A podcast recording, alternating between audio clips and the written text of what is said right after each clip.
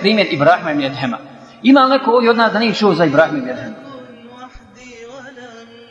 Pobožnjak dijela Selefa, iz Rekajka, iz Ahlaka, ne postoji ni jedno dijelo kad se spominje Rekajk, da se ne spominje ime Ibrahima ibn Edhema.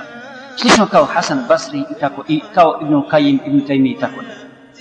Ovaj čovjek je bio, bio u svoje vrijeme u Horosanu, bio je emir. Bio je oficir. I bio je veliki pijenica. Kad je svaku večer ljudi odlaze u to vrijeme, svaku večer kad ljudi odlaze na jačiju, on svoje društvo okupi, okupi pred mesčidom, kafana i po cijelu noć pije. Prko se na taj način Allahu Đelešanu. Međutim, jedan dan je on sišao u čaršiju, sišao je u čaršiju i naišao je na jedan papir na zemlji, pa je se sagao da vidi šta je.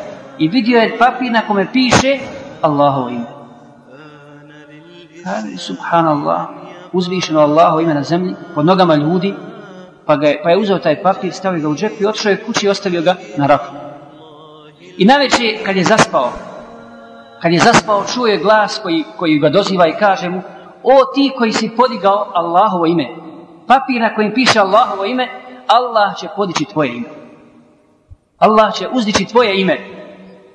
I kad se probudio, kad se probudio, bio je sasvim drugi čovjek. Razmišljao je dugo, uzeo abdest i zovno ljude koji su bili prvi ljudi kod njega, što on bio emir, i rekao jednom svom slugi, kaže, ako neko bude pitao za mene, nemoj nikom ništa govoriti. Reci, doći, ja ću, ja ću se vratiti. Pa je otišao na brdo, dugo i badetio i badetio, zikrio i nakon nekog izvjesnog vremena skrasio se i došao je u Bagdad i postao jedan od najučenijih i, naj, i najpobožnijih ljudi. Dakle, zbog njegove iskrenosti prema Allahu Đelešanuhu i iskrene tobe Allah Đelešanuhu ga uputio i hvala Allahu koji prima, koji prima tobe od svojih iskrenih robova.